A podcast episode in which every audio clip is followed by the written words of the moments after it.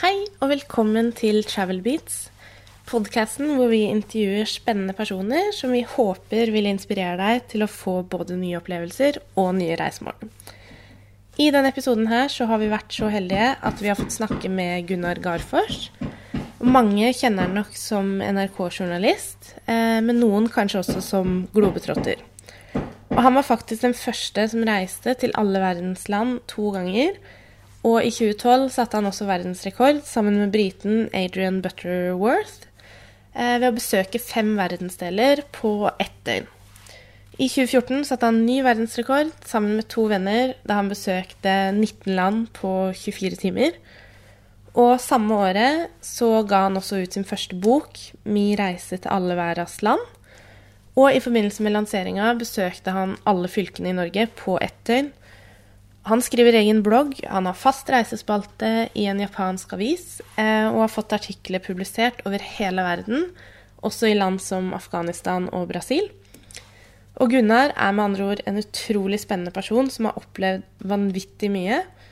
Og i samtalen eh, vår med Gunnar så snakker vi om reisene hans, hans beste opplevelser, og han kommer også med noen veldig gode tips og triks til andre reisende. Eh, vi snakker også en del om miljømessige konsekvenser ved det å reise mye. Og det her har Gunnar utrolig mye kunnskap om. Så vi gleder oss veldig mye til å dele denne episoden med dere, og håper dere får masse inspirasjon til deres neste eventyr.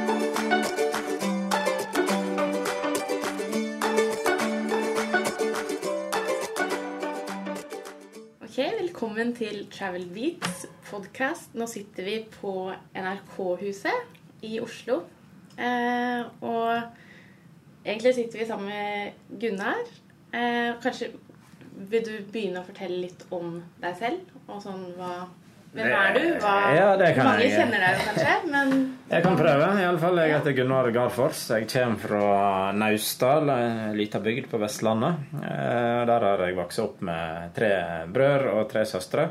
Jeg er eldst av sju, altså. Og to foreldre, selvfølgelig. Og masse katter og eh, hamstere og kaniner og diverse eh, det som hører med? Ja, ikke en bondegard, altså, men, men spesielt søstrene mine likte veldig godt katter. Da. Ja, okay. Og det gjør jeg fortsatt. Så og så eh, Nå bor jeg i Oslo, jobber her på NRK, og så reiser jeg mye på fritida.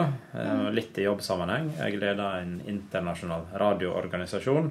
eh, Og da blir det en del reiser og konferanser sammen med jobb i forhold til det. Og så skriver jeg bøker, reisebøker. Jeg har skrevet ei bok om alle verdens land.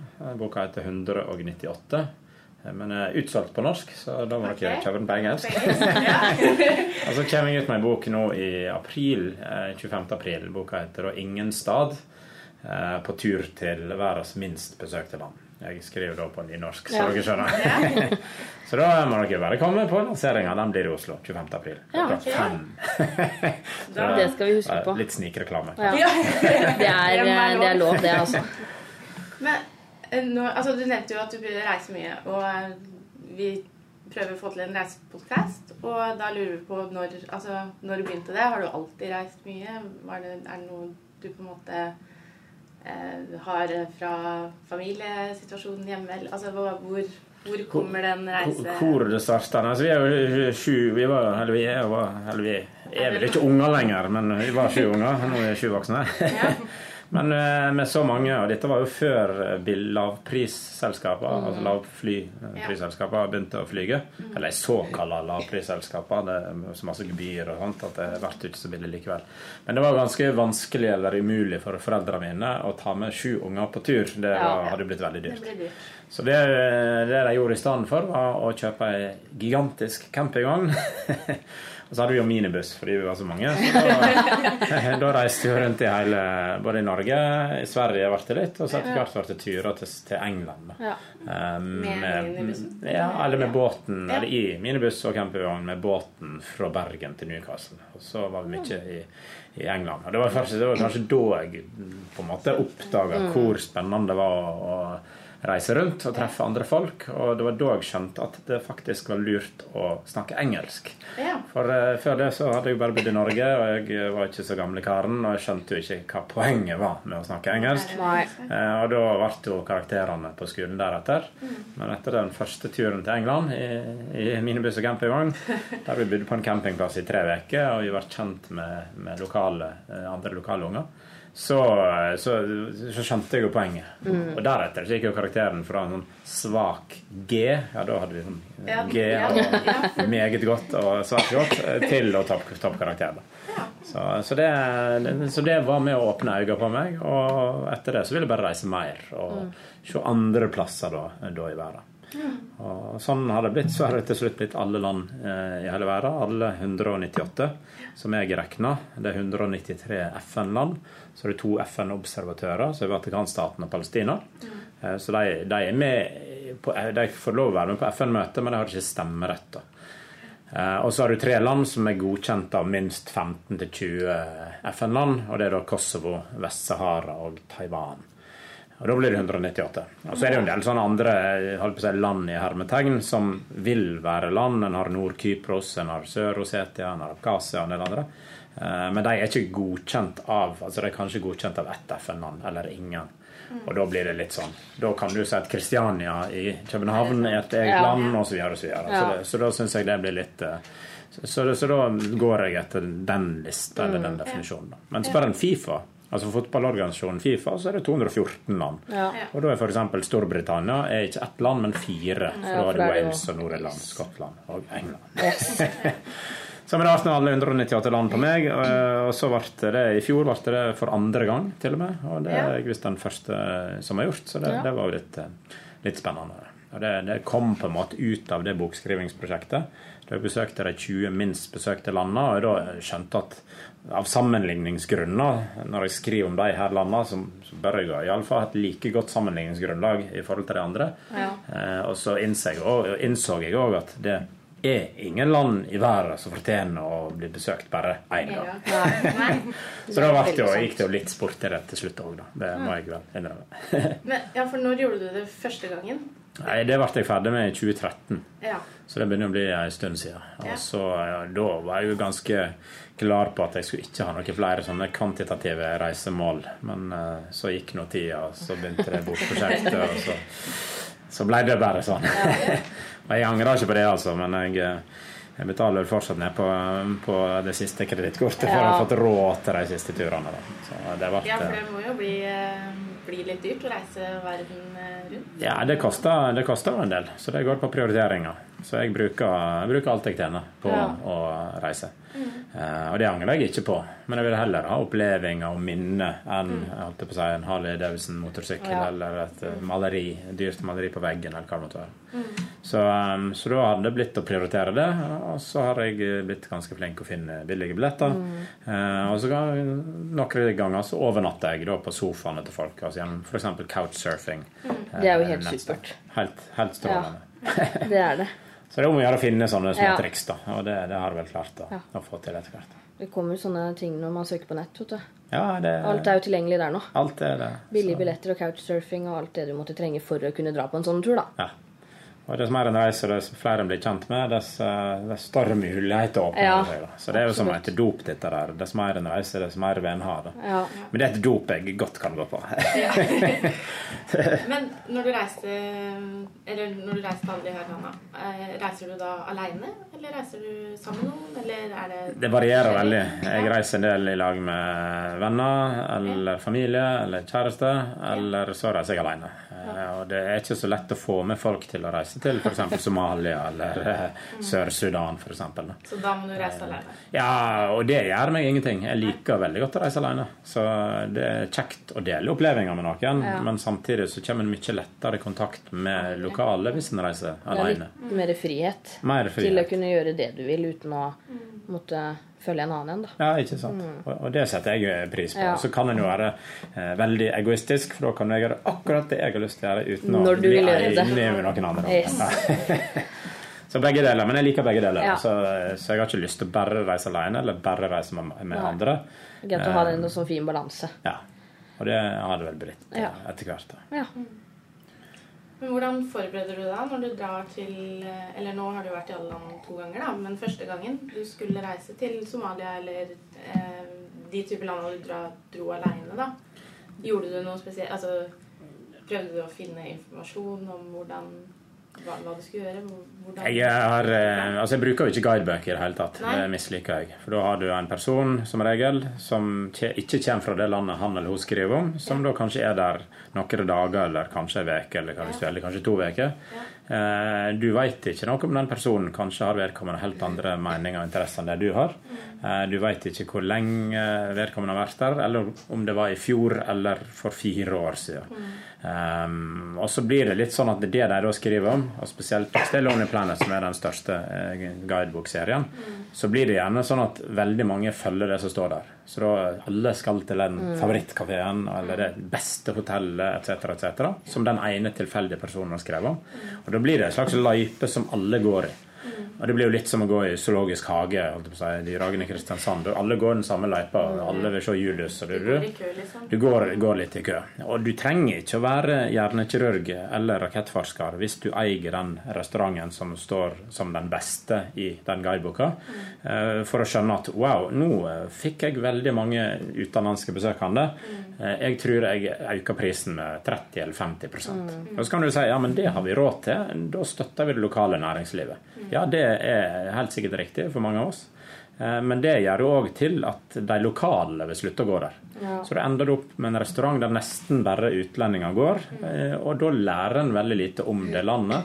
Da, altså, da er det nesten selvfølgelig får en tatt masse fine bilder av det ene med andre, men en blir ikke kjent med folk på samme måte hvis en bare henger med, med andre turister. Eh, Så, så hvis jeg, så jeg kjøper aldri guidebøker, finner jeg ei, holdt jeg på å si, på et tog eller hva det måtte være, så hender det at jeg blar litt gjennom, men da blir det mer for å finne ut hvor jeg da ikke skal reise. Ja.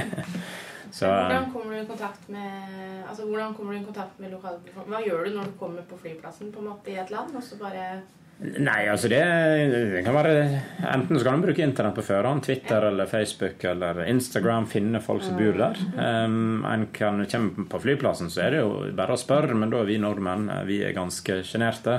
eh, Og vi er ikke så glad i å smile til folk vi ikke kjenner, og da framstår vi litt arrogante. Eh, Jeg har sagt det utallige ganger at nei, vi er ikke arrogante i Norge, men vi er veldig sjenerte. Så, så du må ikke tro at vi er sånn ufyselige som, som dere tror. Um, men da er det jo litt sånne småtriks som å spørre noen hva klokka er. Eller, ja. eller bare tvinge seg sjøl til å smile til en fremmed person, eller hva det måtte være. Altså i alle fall begynnelsen. Og så skjønner du at det åpner masse dører. Lite smil, som er helt gratis, det gjør da gjerne at folk snakker til, til deg. Um, litt sånn ja, som du spurte om i stad, det å reise til i hermetegn farlige land, eller iallfall land en tror er farlige, spesielt til å begynne med, er jo ganske skummelt. Men så, så reiste jeg jo inn til noen sånne av den type land og skjønte at ja, folk er jo folk her òg. Og det er ikke noe problem. De har en hverdag, og Det det er ikke sånn som man fleste. ser på nyhetene. Nei, for da ser en jo bare krig og galskap og Ja. bomber og granater. Og det er jo ikke det Det ligger jo så mye mer bak. ja, det er det. Og det er folk i alle land. Det er unger i alle land. Og folk spør meg ja, men hvordan kan du reise Jeg har ikke unger, da. Men, folk, men altså, hvordan skal vi reise med unger til disse landene du reiste til? Det kan vi ikke. Ja, det er jo unger i alle land i hele verden. Ja. Eh, og jeg skjønner jo det at en eh, tenker på ungene sine, selvfølgelig, og at en kanskje vil reise en plass der en vet det er et ok helsevesen, f.eks. Eh, men altså, det er unger i alle land i hele verden, og det går, går stort sett bra med de aller fleste Der. Så det går mer på, på eh, holdninger til foreldre å gjøre, men i, i stor grad. Og det å reise utenom denne vestlige bobla er kjempeverdifullt. For hvis vi bare reiser til f.eks. Spania, Italia, USA og Storbritannia det, Selvfølgelig er kulturen litt annerledes, men det er veldig mye likt eh, oss. Vi har demokrati, vi har bra infrastruktur, vi har relativt høye lønninger, vi kan reise. Eh, og vi utfordrer på en måte ikke vår sjøl og våre egne eh, si, frykter eller redsler, eller hva det måtte være. Det er jo Eh, sunt for ungene å på en måte få oppleve en annen kultur og se hvordan barn lever andre steder òg. Ja, det, det syns jeg. Og det var litt sånn jeg begynte å snakke engelsk. Eller iallfall begynte å skjønne at det var lurt å lære å snakke engelsk. Så, så, det var en sånn banal ting som det, da. Men altså få ungene til at ja, det er lurt. Ja. Og, det, og både å få forståelse for andre folkeslag, andre hudfarger, andre religioner, andre kulturer, andre måter å ete på, hva det måtte være. Men altså, bare skjønne det at ja, vi er ulike på mange områder, men egentlig er vi helt like. Hvis vi skreller vekk dette på toppen. Ja. Tar vekk malinga, eh, så er vi ganske like. Altså. Og det vi mener er riktig, er jo ikke nødvendigvis det, det som er riktig for alle. på en måte. Altså det, det er jo Ja, alle har jo sine, sine ting. Ja, absolutt. Og det kan jo godt være at vi, det vi mener er riktig, det mener vi jo. Det er jo som regel kulturelt betinga. Det er det vi er oppvoksne med, og nostalgi og det ene med andre. Eh, og det kan jo være at vi ser noen andre som gjør en sånn en eller annen ting på en annen måte, og hvis vi tenker over det og finner at ja, men det er mye smartere. Hvorfor, ja, ja, men det skal jeg begynne med. Men det, det er så naturlig for oss å gjøre ting på vår måte at vi gjerne da ser vekk fra Litt redd for er endringer og sånn. Ja, ja, nettopp redd for endringer. Ja. Vi, Det er skummelt Nei, og farlig og alt det der. Disse, disse farlige andre. Ja. der Utlendinger. Utlandet. Det er verdens største land, da, utlandet. Så det, vi har jo mye å lære der. utlandet. Ja. Det har vi. Men eh, hvor Eller Ja, er, men er det noen land du liksom tenker at eh, var sånn superspennende for deg å besøke? Eller eh, har, har du noen sånne topp Nei, Eller noen opplevelser? Eller, alle sammen, holdt jeg på å si. Det er veldig vanskelig å plukke. Ja, alle har sine ting. Eh, Og det er utrolig mange fascinerende land der. Jeg får en variant av det her spørsmålet sikkert 20 ganger i veka. Fordi sånn Ja, men Og så, ja, hvorfor spør du? Svarer, svarer jeg da. Jo, nei, vil ha et reisetips. Ja. Ja, men jeg vet jo ingenting om deg. Så den som spør ja, hva er du ute etter, altså, vil du ha strand, vil du ha ut og feste, skal du reise med unger, eh, fjell, etc., etc. Så, så, jeg må vite litt mer for å kunne gi et tips, men, men sjøl har jeg hatt fantastiske opplevelser i ekstremt mange land. Eh, Så å si alle land. Og det, det har litt med det å være åpen for disse opplevelsene. Og hvis en går og og er redd og ikke vil snakke med de som bor der, da er det jo nesten garantert at en ikke får en så bra opplevelse som om en er åpen. Så kan du ikke være naiv, det er jo ikke det jeg sier, men at en iallfall da eh, en, en, åpen for det? eller tør å snakke med folk, eller tar kontakt med, med de som bor der. Og så er det gjerne sånn at vi planlegger feriene våre litt i hjel. Eh, At vi reiser til en plass vi, som vi gjerne ikke har vært før. Kanskje et helt nytt land. Og så har vi booka ekskursjon og en fjelltur og masse greier. Kanskje med guide eller ikke. Men det koster gjerne penger. Det, da har vi laga en, en timeplan. Så kommer vi til det landet og så finner vi ut at ja, men det er jo slett ikke de beste tingene å gjøre. Eh, Dessuten så koster det bare en tiendedel hvis vi hadde betalt for det her. Men da har en allerede betalt, og så har en laga en plan, og så, ja, så må en på en måte følge opp den. da. Så ved å da låse seg eller planlegge ferien i hel, så er en ikke åpen for impulsivitet eller nye innspill.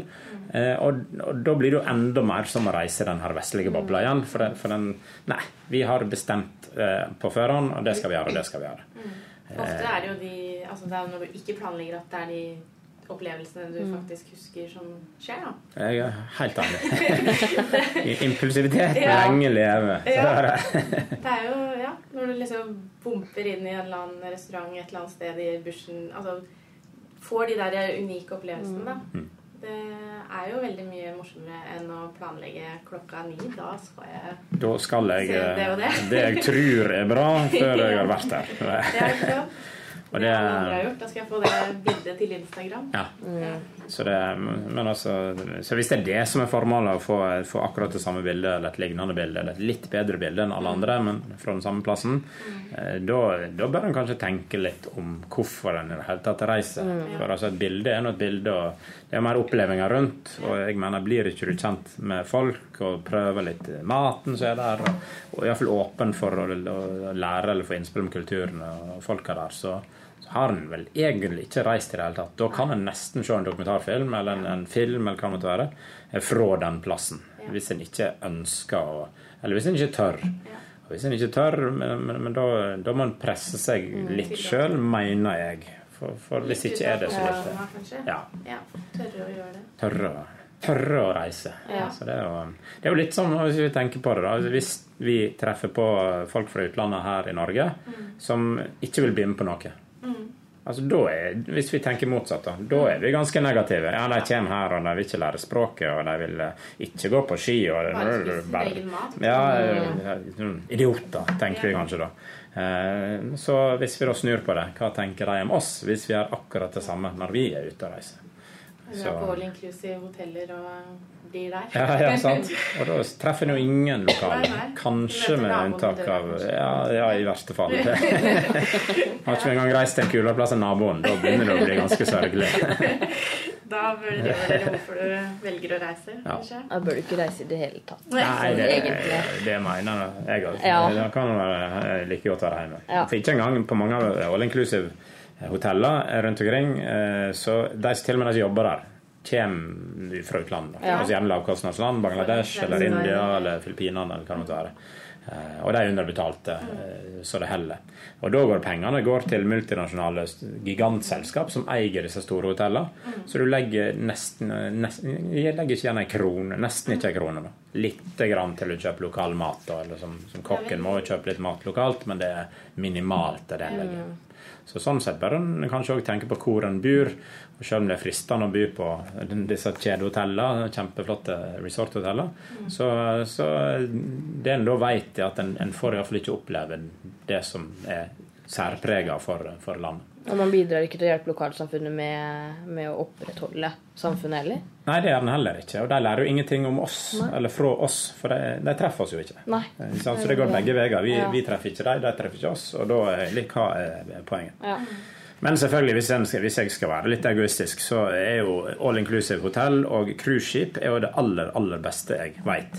For det gjør jo at millionvis av folk de holder seg langt vekke fra de plassene jeg liker å reise til. Og da blir det mye mer interessant å reise til de plassene.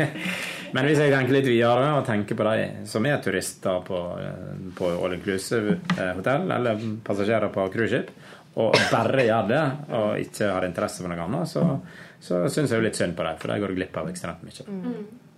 Men det er jo litt interessant, fordi du, eh, du nevnte litt i stad at altså, når vi reiser, da, så har jo vi på en måte et ansvar, vi òg, for å vise vår, vår kultur, da, hvor vi kommer fra, til de vi faktisk møter. Eh, fordi altså, veldig mange av stedene du har vært, er det kanskje ikke så mange turister. Og da Altså, det, det synet de får av deg, da, er jo egentlig det synet de får av Norge, Mm. på en måte. Ja, helt klart. Um, Så vi har jo et ansvar der, et ikke, ansvar. ikke bare av Norge. Så det vi, det vi òg bør tenke på når vi er ute og reiser, er at, er at vi er ekstremt privilegerte som kan reise. Vi har penger til det. Vi har et pass som er ganske sterkt. Vi får lov å reise fra våre styresmakter. Um, vi har fly og vi har skip og det ene med det andre. Veldig mange vi treffer på som er veldig imøtekommende, inviteres kanskje på middag eller på fjelltur eller på stranda eller på bryllup til og med, eller hva det måtte være. Um, og vi bare sånn Wow, fantastisk. Så tar vi masse bilder og legger ut på Instagram. eller hva det måtte være Og så eh, får vi masse skryt og masse likes og det ene med andre. Uten at vi i det hele tatt tenker på at antageligvis har de like lyst til å reise som det vi har. Men de kommer aldri til å kunne gjøre det. Kanskje har de ikke penger, eller vil noen gang få penger. Kanskje har de ikke et pass. eh, Kanskje får de ikke lov av sine myndigheter. Eh, Men det er noen av tankene en kanskje bør gjøre seg når en er ute og reiser. absolutt. Og det, jeg fikk en, en sånn aha-oppleving eh, Jeg snakka med en kar fra Costa Rica. Mm. og det han som fikk meg på det, og han bare sa ja, fantastisk eh, Vi snakker om reising, selvfølgelig, som- jeg ofte gjør når jeg er på tur. Og, og jeg fortalte en del historier. Han bare Veit du hva, sier han. Jeg skulle ønske jeg òg kunne reise.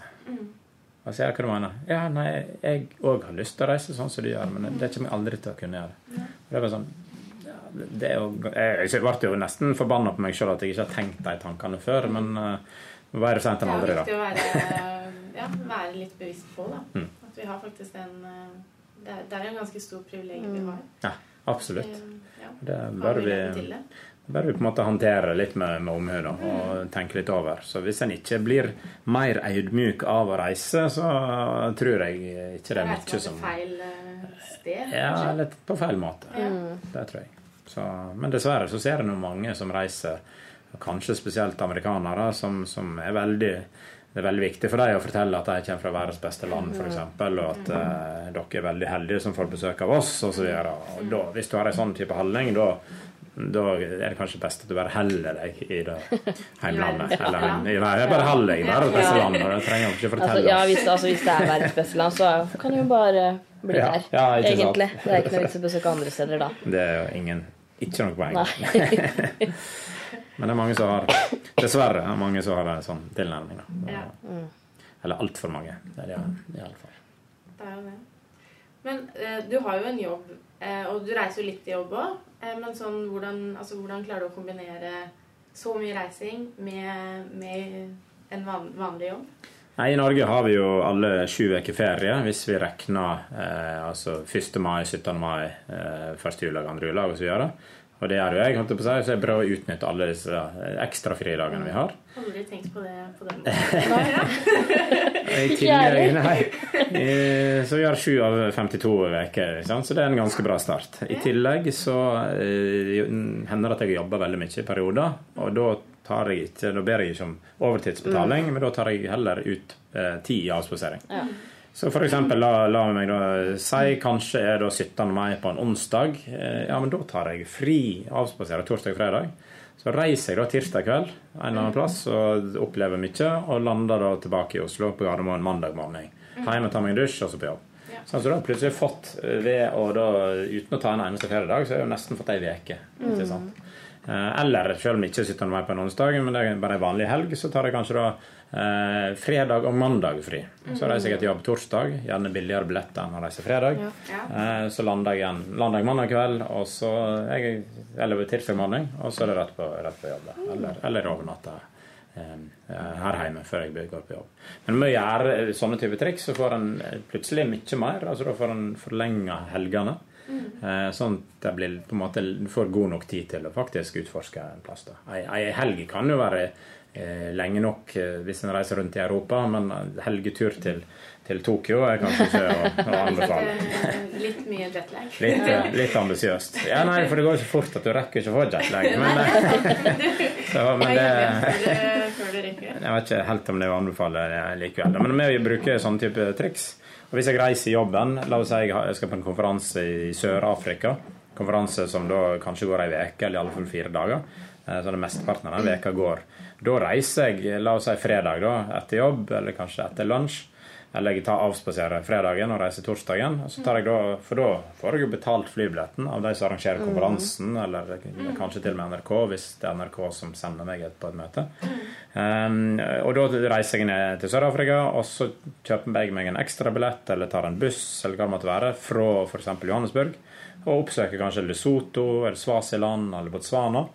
Så reiser jeg tilbake, er der på konferansen mandag, tirsdag, onsdag, torsdag, eh, kanskje også fredag.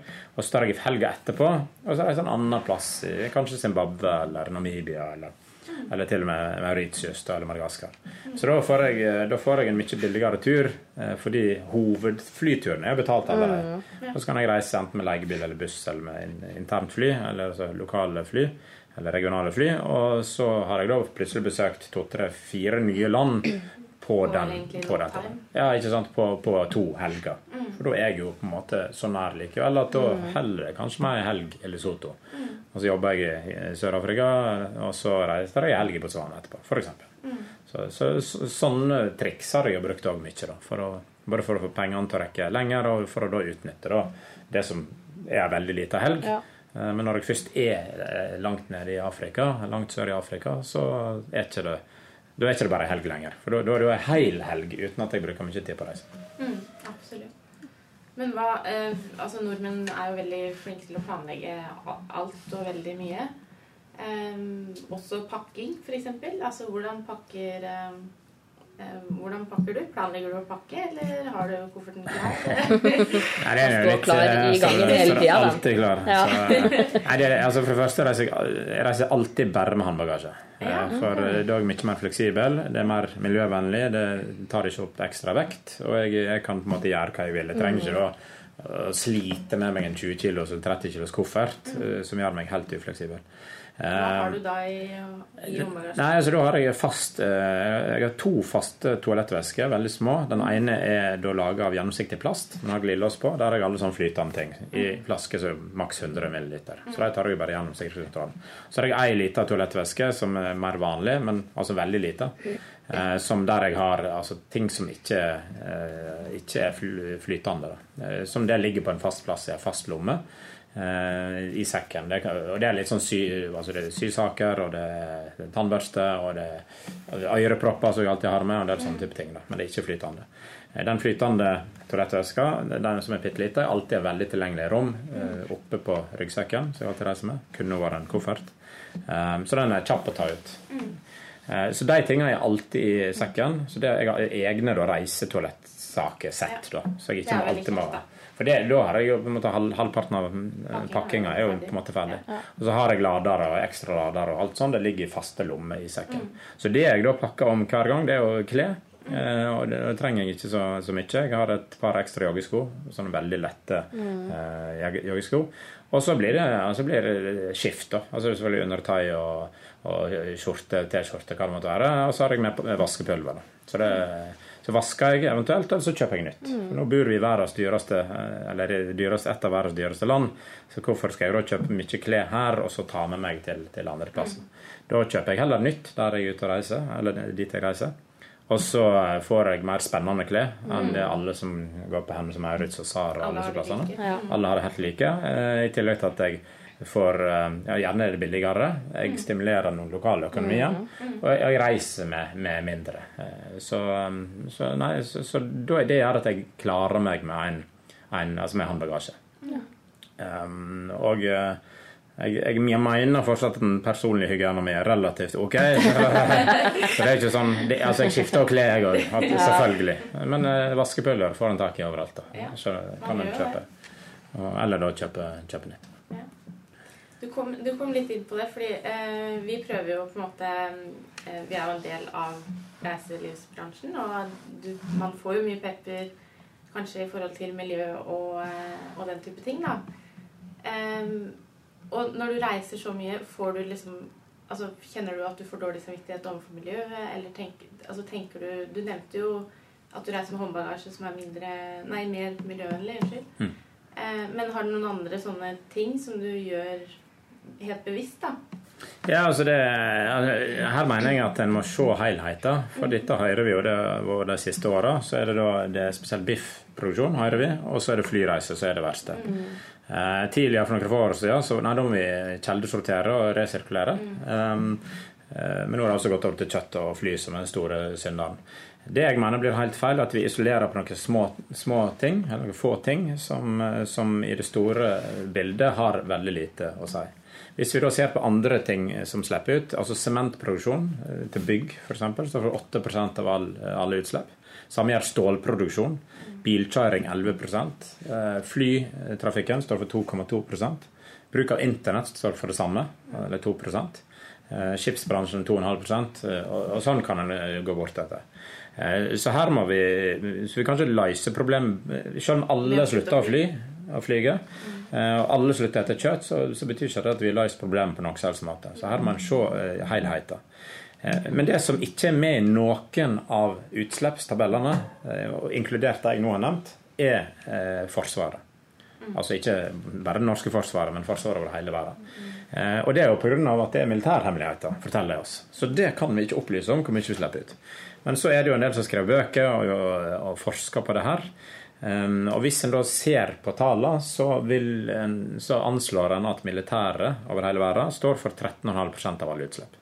Men det her kommer jo i tillegg til eh, alt det andre. Så det betyr at vi må redusere da, eh, altså flytrafikken, som da jeg sa står for 2,2% Det må vi jo trekke fra 13,5 da, for å få plass til de militære utslippene. Så det betyr at flytrafikken står reelt sett for 1,9 av, av utslippene. Eh, så, og Da kommer det tilbake til litt på måten vi reiser. at vi, Hvis vi reiser litt annerledes enn det vi gjør nå, vi oppsøker andre kulturer, det vil være konfliktreduserende, fordi vi blir kjent med andre folk. Vi reiser ikke bare til Frankrike eh, og til USA, men vi reiser da til kanskje afrikanske land. Vi reiser til Russland, som jo vi på en måte er utenfor Nato. Vi reiser til Kina kanskje, eh, Vietnam, hva det måtte være. Men vi blir kjent med folk og kulturer. Vi knytter bånd, vi øker handel med disse landene.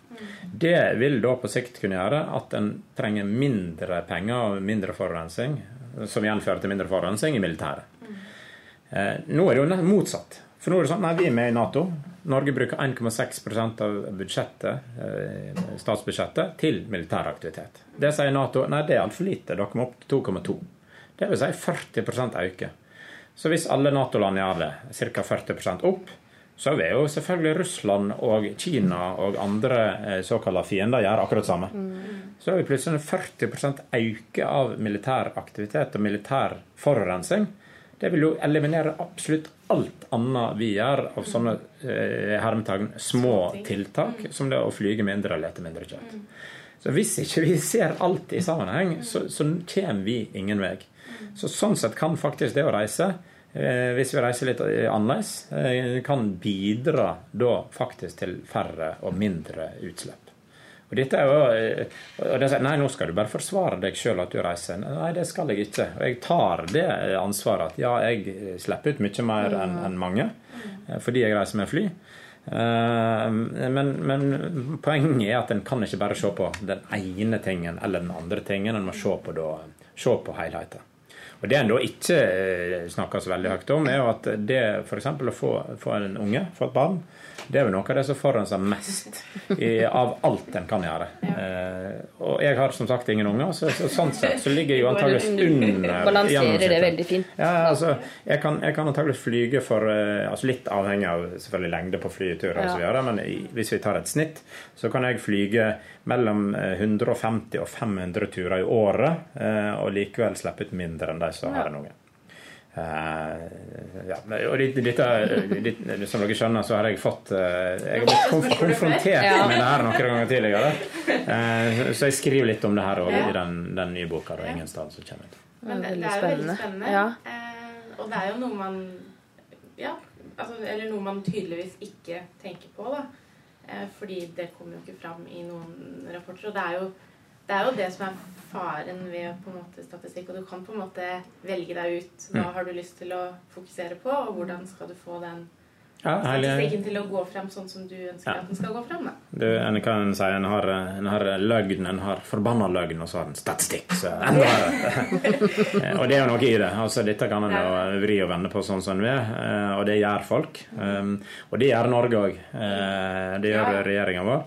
Bare la oss si oljeproduksjon. Norge står for 2,1% av all olje- og gassproduksjon i hele verden. Altså Bitte Norge står for en femtiandedel av all olje- og gassproduksjon. Det er ganske mye. Eh, men det skjer jo offshore. Så, så det, det, vi forurenser for å få opp all den olja, og det er ganske mye, det kommer ikke under Norges statistikker. Det er offshore. Så det, det har ikke vi noe med noe å gjøre. Eh, og selvfølgelig konsekvensen av all den olja som blir pumpa opp, og all gassen, står for store deler av forurensninga i verden. Eh, men det kommer ikke på våre budsjett. Hvis vi selger den olja til Canada, og det er Canada som brenner den olja, Eh, eller bruker den i biler, eller hva det måtte være, så er det Canada som får det. Men selvfølgelig, hvis vi ikke hadde pumpa opp den olja, så hadde jo ikke den forurensninga skjedd. For å si, ja, men Da hadde Saudi-Arabia pumpa opp mer olje. Ja, Det er ikke sikkert. Prisene hadde da gått opp, etterspørselen hadde blitt mindre osv. Folk hadde måttet tenkt, tenkt annerledes. Så hvis vi da tar med den oljeproduksjonen som blir gjort på norsk sokkel, tar med det inn i regnestykket, så er Norge det desidert verste landet i verden eh, når det gjelder eh, forurensning per person. Da ligger vi nesten tre ganger høyere enn eh, den verstingen på den offisielle lista, som er Qatar. Jeg tror ikke så mye at vi da er et av landene med flest elbiler. Nei, og det er jo litt interessant, da. For en elbil slipper ut Hvis vi ser på levetida på en elbil, og en stor elbil som en, en Tesla eller en Jaguar, mm. så slipper den da ut eh, tilsvarende tre tonn i året. Eh, og det er akkurat det samme som en liten bensinbil. Eh, og så, ja, nei, men Det går jo ikke an, for den forurenser jo ikke. Nei, det, det, gjør den ikke når den blir brukt, eller i veldig liten grad når den blir brukt produksjon av det svære batteriet, så går det enorme, enorme utslipp. Så da, hvis en da, sier en tre tonn per år, da, og da sier en at den bilen den lever i snitt i 15 eller 16 år. Da. Det er på en måte snittlevetida. Eh, visst, men det er bedre enn å kjøre en stor SUV, altså en stor DMV som går på diesel eller bensin, for den slipper dobbelt så mye. Mm. Igjen så må man fordele det på levetida på en bil og, som er 15 eller 16 år, og da vil en sånn stor SUV slippe ut 6 tonn i, i året. Mm. Gitt ei gjennomsnittlig kjørelengde på Jeg tror det er 16 000 km.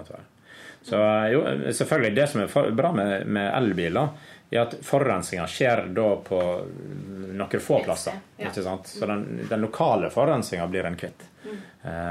Men, men, altså forurensning like fullt. Så hvis en tenker global oppvarming, så, så har det òg noe å si. Så, men, men, for all del, og det, er jo, og det er positivt, og det er noe vi må gjøre. Vi må endre eh, altså måten vi lever på. Da, men da går det tilbake på helheten. Vi kan ikke bare kutte eh, kjøtteting eller, eller, hva det måtte være. En annen ting som det glemte jeg å si, men noe som forurenser mye mer enn flyging, er jo kjæledyra våre. Eh, ikke fordi de promper så mye, eller sånn, eh, men fordi de eter fabrikkproduserte dyrfôr, mm, som består nesten bare av fisk og kjøtt, som eh, krever mye. Så, så det kjæledyra våre står for ja, 3,5% av utslippet. Fordi vi da gir dem fabrikkprodusert mat. Og det gjorde vi jo ikke før, for da var det jo knapt fabrikkprodusert mat. Mm. Da ga vi dem rester og sånt fra våre egne middager eh, og egne frokoster. Eh, og det, de levde nå bra på det òg, har jeg. Iallfall dyra hjemme hos oss i Naustdal gjorde det. Så det, så det blir igjen veldig enkelt å bare se på én eller to ting. Det, men det kan en ikke gjøre. Da klarer vi aldri å oppnå målene i Parisavtalen, Og vi, som er jo en relativt Eh, slapp eller konservativ avtale i utgangspunktet. Vi bør jo gjøre og klare mye bedre enn det. Men hva kan, hva kan vi gjøre? Altså, hva, hva, kan du og jeg gjøre for å på en måte bidra? Kan vi stemme, bruke stemme... Ja, altså jeg mener, ja, jeg mener det er det beste. Altså det, da må man stemme inn noen eller parti som da vil f.eks. la olja, som er det som Altså olje, gass og kål nå står vi for nesten Det er litt, det er vel ei kålgruve eller to på Svalbard, men det, det er minimalt. Den bør du stenge rett ned. Det er samme med olje, oljeproduksjon eh, og gassproduksjon. Altså, ja, men hva skal vi da leve av? Nei, Nå har vi et ganske stort oljefond hvis vi bruker mer av det forskning og utvikling. Penger til å være innovative. Ja, nettopp. Og det gjør vi, mener jeg, i altfor liten grad. Og så skal vi selvfølgelig ja, vi skal flyge helst mindre og, og annerledes. En skal helst kjøre mindre bil.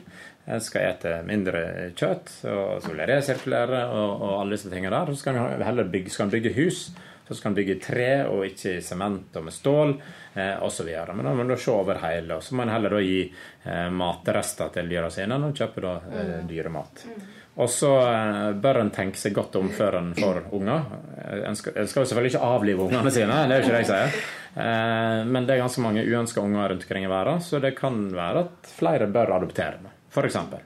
Eller ta til seg fosterunger, eller hva det måtte være. Uh, og så, nei, nei, men det vil vi ikke gjøre. Nei, jeg sier ikke at dere skal gjøre det, eller noen skal gjøre det, men en, en må se på helheten her. Og, og en, en, en, kan ikke bare peke på at nei, du som flyger så mye, eller du som spiser så mye kjøtt, det, det er deres feil. For det, det er alle vår, vår feil. Eh, og Det er jo for så vidt litt med det med olja. Hvis vi, for det er jo, altså, som sagt, Hvis vi eksporterer til Canada, så er det Canada som får smellen. Det er de som hermetegn bruker Eller de som forurenser selve Norges olje. Eh, men det er jo stikk motsatt hva som gjelder narkotikapolitikken. Da er det jo ikke misbrukeren eller brukeren som får smellen, det er jo da produsenten. Så det er jo helt motsatt av, av det. da. Helt motsigende, kanskje? Litt motsigende logikk, da. Så det blir alt etter hva som passer oss, virker det sånn. Men hvis, eh, men hvis, alle de som på en måte flyr Eller alle de som eh, drar eh, på type all inclusive hoteller, da, kanskje hadde utfordra seg sjøl til å ta én tur til et land de kanskje ikke tenkte at de skulle dra til, så kanskje de kunne på en måte ja, fått en litt mer forståelse for andre kulturer og andre Ja, helt klart. Og, og, da kan en jo kanskje se Jeg var i Eh, på Marshalløyene i Stillehavet. Og da kom jeg i kontakt med en kar, 65-70 år, og spurte hvor jeg var ifra. Og sa Norway. Hæ? Nowhere? Ja. ja, omtrent det samme. Nei, Norway. Så jeg skjønte at han eh, Nei, Europa. Europe! Da ble han steike forbanna, for dette er jo et veldig lavtliggende land. Så når vannstanden da stiger, så vil jeg forsvinne. Og da var det, det var vår feil. Altså, jeg var en representant fra Europa. Det er vår feil at havstanden stiger. Han sa 'It's your fault we are sinking', sa jo han da. Han tenkte at det var de som sank, og ikke havstanden som øka seg. Men, men altså uansett. Eh, og det har han jo rett i. Altså, det, er, det er 100 000 innbyggere. Det er jo ikke de. De kunne jo holdt si, brent så masse ting, og olje og kål og hva det måtte være. Men det har ingenting å si i den store sammenheng, for det er så få av dem. Så det er jo vi i den industriell, industrialiserte verden som da står for så å si alt her. Så det å reise utenfor den industrialiserte verden se hva, hvordan en da lever, og konsekvenser av det vi da gjør, eh, og det at vi får misbruke så mye eh, holdt på å si, eh, olje og gass og, kål, det bør være en øyeåpner for, for mange. Så, jeg er helt enig. Ja, en, en en må på en måte oppleve andre sider av det her, i tillegg til å knytte vennskap og, og øke handel med andre land, og da redusere konflikt.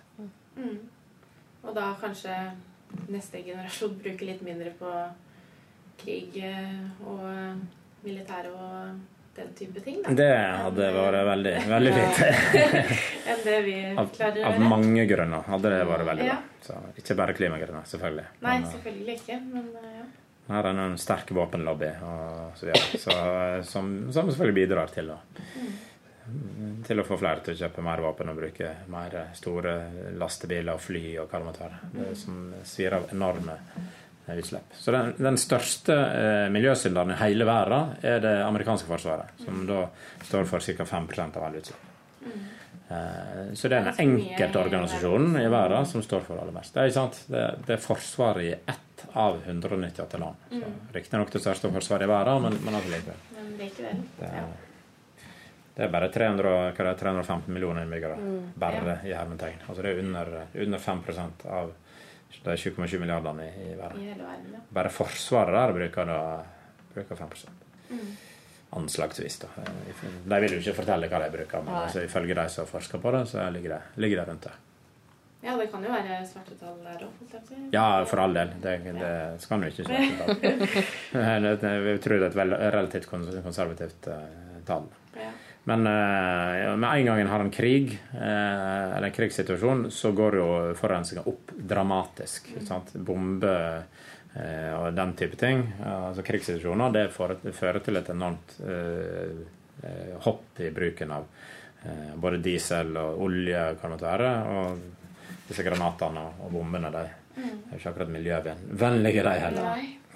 Så det beste vi egentlig kan gjøre for miljøet, er å ja, skape fred og reise mer, nesten, da. Ja, altså Jeg mener at det er en del av det. Men igjen så må vi se på helheten. Ja. Eh, så men absolutt. Det, det mener jeg. Så her mener jeg at eh, eh, Kall meg gjerne inhabil, så jeg reiser mye, men, men eh, samtidig så en du har også opplevd veldig mye av verden, da. Og på en måte Du har jo sett de mange Jeg har sett veldig mange, mye. Mange ting som ingen andre kanskje har sett. Opplevde veldig mye og, og bidrar da. Prøver å formidle det gjennom både bøker og foredrag. Og kanskje kan det få andre til å, til å endre sine reisevaner litt. Grann, og åpne øynene på en litt, litt annen måte. Ja. Og det er jo det som eh, Ja. Det er jo det som er eh, gøy, da. Å utføre, det er jo skummelt å utføre komfortsonen, men det er jo også Men det er da det er nødvendig. Ja. å gjøre det også. Og det er da du får gode opplevelser. Mm. Ja, nødvendig både for et eget sinn, men òg Ja. kanskje da for planeten. Ja. si. Ikke er sant? nettopp det. Vi har eh, eh, tre spørsmål som eh, vi stiller på, eh, til alle, alle som er med i podkasten. Eh, og det er, du har sikkert fått det spørsmålet én million Ja. ganger, vil jeg tro. Det vil vise seg. Men eh, hva er da din favorittdestinasjon, og hvorfor? Og 198, så tror jeg det kan være ganske Ja, vanskelig. det, ja, det blir helt umulig å svare på. Men jeg, jeg, kan, jo, jeg kan jo nevne én destinasjon. da. Okay. Jeg kan ikke si den den beste, for det klarer jeg ikke. Jeg, jeg kan ikke rangere mellom så mange. Jeg kan nevne eh, fantastiske land å reise til. Madagaskar har på en måte alt.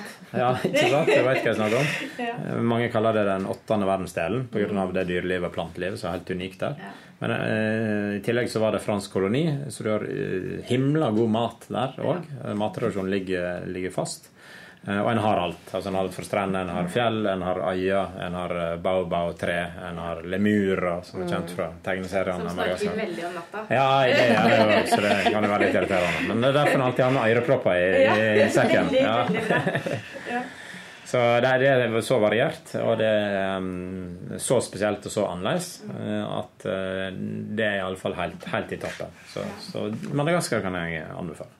Men det er dårlig infrastruktur der, som du sikkert har fått med deg. Så det, det tar Snittfarten på veiene er relativt lav. Så man bruker lang tid å komme seg fra til det.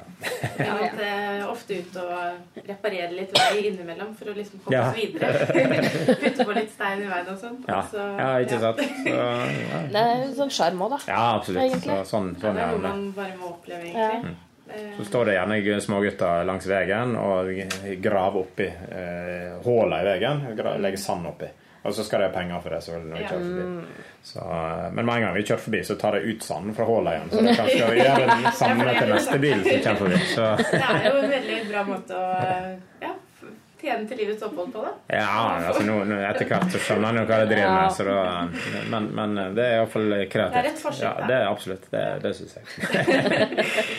Ja, men det er bra. Uh, med, og det her, altså Ja, det har du eh, eh, for så vidt sikkert fått mange ganger. Men hvis du skulle gitt et reisetips, hva er det beste reisetipset du vil gi? Du var litt inne på det i stad, at det er vanskelig å på en måte gi et reisetips uten å vite noe, men ja. Hvis jeg skal eh, helt generelle reisetips, det, er- det er to stykker, eller to ting. Ja. Det ene er jo reis bare med håndbagasje, som vi var inne på tidligere. Da eh, du står en mye friere. En ser mindre ut som en turist, eh, som en, en turist altså, og blir samtidig et, på en måte, et mindre eh, mål for eventuelt eh, ranere eller de skal stjele ting. Um, det Det andre på litt. Sett på helt annerledes. For det er ikke, er ikke den typiske turisten med masse kofferter som, som kommer inn, snakker ikke med noen, men reiser ut igjen. Har en bare en sekk, så kan en gå rundt og snakke mye friere med folk. Det er iallfall min, iallfall i hvert fall min eh, erfaring.